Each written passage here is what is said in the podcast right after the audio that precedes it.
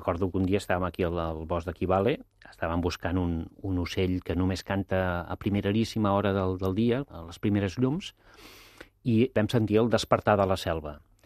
I sobretot va ser un grup de ximpancers que estava, doncs, no sé, potser hauria estar a un centenar o 150 metres de nosaltres, i aquesta cridòria de...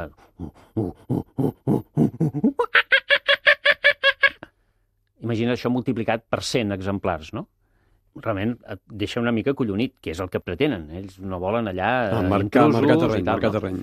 I això, doncs, bueno, realment, doncs, ja et dic, un grup d'aquests de ximpancers circulant per allà, doncs, home, fa un cert respecte. La veritat és que són, són animals que són els reis d'aquest territori. De fet, sembla fa un parell d'anys el National Geographic va fer uns primers articles doncs, en posar de manifest doncs, tot això, i és un problema que està creixent, perquè, és clar, cada cop més els poblats estan cada cop encerclant més tots aquests boscos i, per tant, hi ha una pressió. Clar, estem entrant dins els seus territoris i aquests animals, doncs, ja us dic, tenen aquest comportament doncs, que no són aquests animalets doncs, eh, dòcils de, dòcils de veiem fossa i... que mengen només de fet, de llarg, molt més agressiu i pot ser fins i tot més perillós un ximpanzé que un goril·la. Calla!